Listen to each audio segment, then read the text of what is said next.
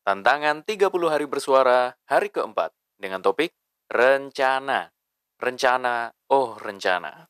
Rencana Tuhan lebih indah dari rencana manusia. Asik!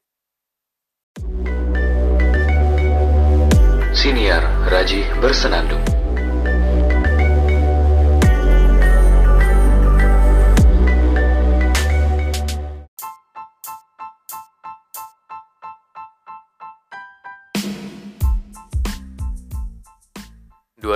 2020 ini sebenarnya saya punya rencana penting banget yaitu pulang.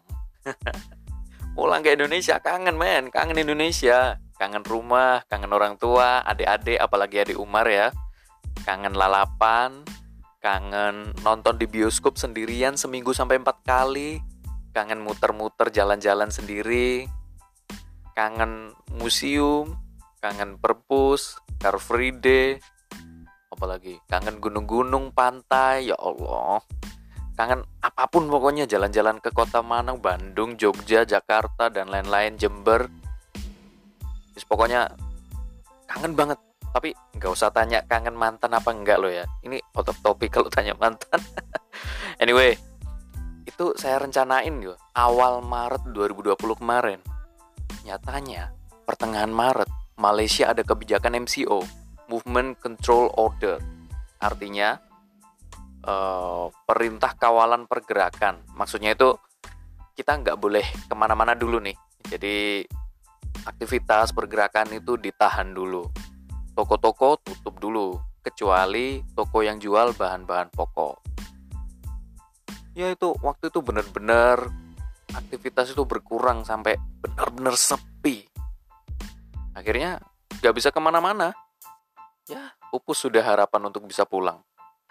Terpaksa harus berdamai dengan diri sendiri sebisa mungkin ngebetah-betahin meskipun sangat bosan dan sangat panas di sini. Jujur aja panas banget di sini. Tapi dengan gak jadi pulang, saya jadi sering diskusi sama teman-teman postgraduate yang lain. Meskipun yang lainnya itu pada doktor ya, saya master sendiri. Jadi ya bisa tahu lah perbedaan umurnya gimana. Saya bisa juga diskusi sama supervisor saya, bahkan jadi asisten penelitian beliau juga. Akhirnya banyak banget momen di mana saya bisa bantu penelitian beliau, kemudian bisa nulis bareng, bisa bantu bikin draft PowerPoint untuk presentasi beliau di seminar-seminar dan kuliah-kuliah daring ya. Kemudian alhamdulillahnya dapat salary juga per per minggu dibayarnya. Alhamdulillah. Dan cukup untuk kebutuhan makan atau beli-beli keperluan lain selama satu minggu, bahkan satu minggu lebih. Habis gajian biasanya ya, saya mampir ke ATM buat masukin duit gajian itu ke ATM. Lumayan lah bisa nabung tipis-tipis gitu. Jadi kalau misalkan suatu hari saya perlu beli mikrofon baru di Shopee gitu, di ATM ada duit. Ya, inilah contoh kalau rencana Tuhan tuh lebih indah sebenarnya daripada rencana manusia. Saya merencanakan pengen pulang, tapi Allah memberikan rencana lain. Tuhan punya rencana lain. Meskipun saya gak jadi pulang, gak jadi ketemu keluarga dan jalan-jalan, Tuhan mengganti dengan hal yang memang saya butuhkan saat ini, sangat saya butuhkan dengan jadi asisten, saya jadi sering banget diskusi sama supervisor saya soal tesis. Sering banget. Asik. Dapat ilmu dengan cara ngobrol santai. Sering juga ngobrolnya itu sambil ditraktir makan sama beliau. Bahkan ya hanya sekedar nongkrong aja dibeliin minum. Bukan minuman keras ya, tapi ya di kedai minum lah. Dan pasti ngajak mahasiswa bimbingan beliau yang lain. Yang lain juga ya ya mahasiswa-mahasiswa doktoral. Tapi nggak apa-apa seru seru banget. Ilmunya daging semua. Pasti yang dibicarain itu kelasnya kelas atas. Jadi wajar kalau saya itu banyak diem karena sebenarnya saya nggak tahu. Jadi ketika beliau-beliau ini ngobrol saya dapat insight banyak banget. Saya jujur aja sempat punya rencana kocak ini. Jadi gini saya sempat ngerencanain buat nikah di umur 45-an lah gitu ya atau 40-an lah. Soalnya saya sadar kalau ini nggak sombong tapi saya sadar kalau muka saya itu nggak boros. Jadi ya umur 40 tahunan kira-kira ya masih kelihatan muda lah. Oh, sekarang aja itu banyak orang-orang lihatnya saya seperti masih mahasiswa S1 semester awal-awal. Jadi kayak masih bocah banget gitu loh. Dan pengennya di umur 40-an itu saya sudah jadi profesor. Gila nggak tuh? Bakal jadi bahan omongan orang seakan seakan-akan gitu ya profesor muda. Padahal udah umur 40-an. nggak apa-apa lah sebuah khayalan tapi ya direncanain ada ada setengah khayalan setengah serius gitu loh kalau misalkan memang itu terjadi nggak masalah. Kalau nggak terjadi juga nggak masalah. Tapi ada beberapa hal yang saya jalani di dalamnya. Memang jadi ya nggak sekedar khayalan gitu. Sekarang kan lagi studi ya studi master. Saya kejar proses untuk bisa ikut pro program fast track langsung S3 ke atau PhD gitu. Kalau di sini kan nyebutnya PhD bukan S3 kan. Jadi ntar saya lulus itu gelarnya bukan master lagi, tapi udah doktor atau PhD. Rajih Araki PhD gitu. Atau doktor Rajih Araki. Gokil gitu. Dan ditempuhnya nggak perlu sampai tiga tahun lebih. Cukup ya tiga tahun cukup lah. Sehingga jalan saya untuk bisa cepat jadi profesor ya paling nggak lumayan kebuka dikit lah. Pulang uh, banyakin berkarya dalam penulisan ilmiah, kemudian melengkapi kelengkapan-kelengkapan yang lain. Cuma ya namanya juga rencana gitu, belum pasti terjadi juga. Siapa sangka kalau tahun ini ternyata orang tua saya sering banget ngajakin ngobrol soal persiapan nikah gitu.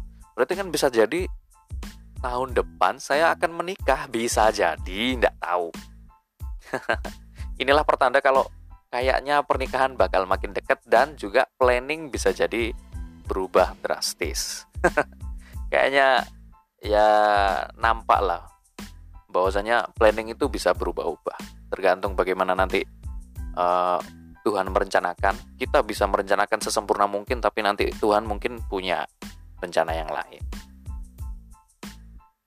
Jadi ya angan-angan untuk menikah di umur 40-an itu ya mungkin tidak terjadi sebenarnya saya juga khawatir juga kalau misalkan nikah di umur 40 tahun nanti terlalu tua nanti anakku umur berapa? Aku sudah tua um, anakku masih muda. Maksudnya aku sudah tua tapi anakku masih TK gitu kan. Kan nggak nggak seru. Oke lah ya itu bukan rencana prioritas banget kok. Cuma ya kalau yang proses studi cepet tadi itu bener-bener aku jalanin sih. Um, by the way, saya ada sedikit pendapat soal rencana dan perencanaan. Untuk mencapai sesuatu, manusia harus punya rencana matang, bahkan dipikirkan hingga ke hal-hal kecil dan memikirkan rencana alternatif juga. Itu penting. Syukur kalau tujuannya bisa tercapai ya, dengan menjalankan rencana-rencana yang sudah direncanakan. Tapi kalau enggak, nah ini, barulah rencana alternatif itu berlaku. Rencana harus benar-benar serius dijalanin. Artinya, ya rencana itu bukan sekedar keinginan belaka, tapi diseriusin biar nanti tujuan kita bakal tercapai gitu. Tidak hanya sekedar setengah-setengah seperti yang saya bilang pengen nikah di umur 40 tahun tadi itu, itu kan setengah-setengah aja gitu. Karena saya juga masih ragu apakah saya akan menikah umur 40 tahun atau tidak. Masih ada rasa takutnya juga. Tapi untuk keinginan segera menjadi profesor itu benar-benar saya inginkan sehingga proses studi juga saya seriusin dan saya jalankan gitu gitu maka jangan setengah-setengah langsung full aja sekalian gitu. Kita rencanakan dengan serius untuk tujuan yang sangat-sangat besar. Dan jangan lupa rencana alternatifnya.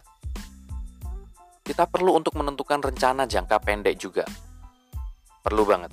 Juga yang penting juga jangka panjang. Perlu untuk menentukan rencana jangka pendek dan juga jangka panjang. Gak hanya manusia sebenarnya tapi bahkan organisasi pun harus punya rencana jangka pendek dan juga jangka panjang. Soalnya manusia dan organisasi itu kan punya cita-cita ya. Untuk bisa ke cita-cita tersebut, kan nggak sampai sembarangan. Nggak yang tiba-tiba bisa jadi presiden gitu.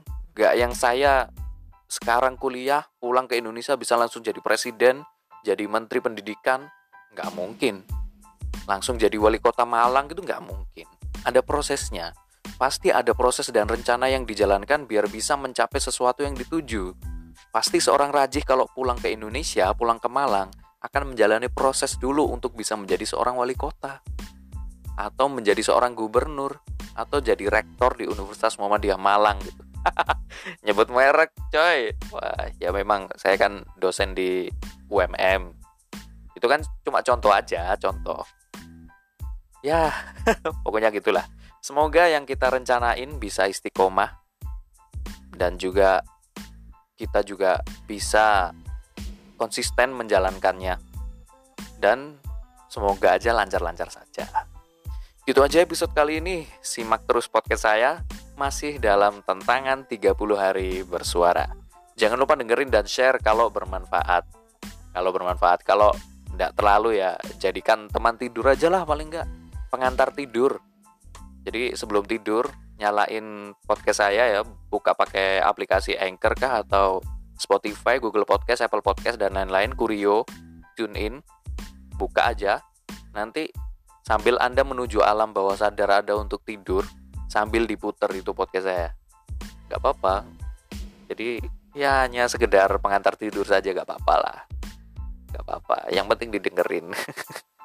Oh ya jangan lupa untuk follow Instagram saya di @raji.araki. Jangan lupa follow Instagramnya podcast Raji Bersenandung juga di @raji_bersenandung. Jangan lupa. Kritik dan saran silakan kirim silahkan kirim lepotan kan ngomongnya. Kritik dan sal kritik dan saran silahkan kirim ke rajih.a93 @gmail.com. Oke, terima kasih dan sampai jumpa di episode berikutnya.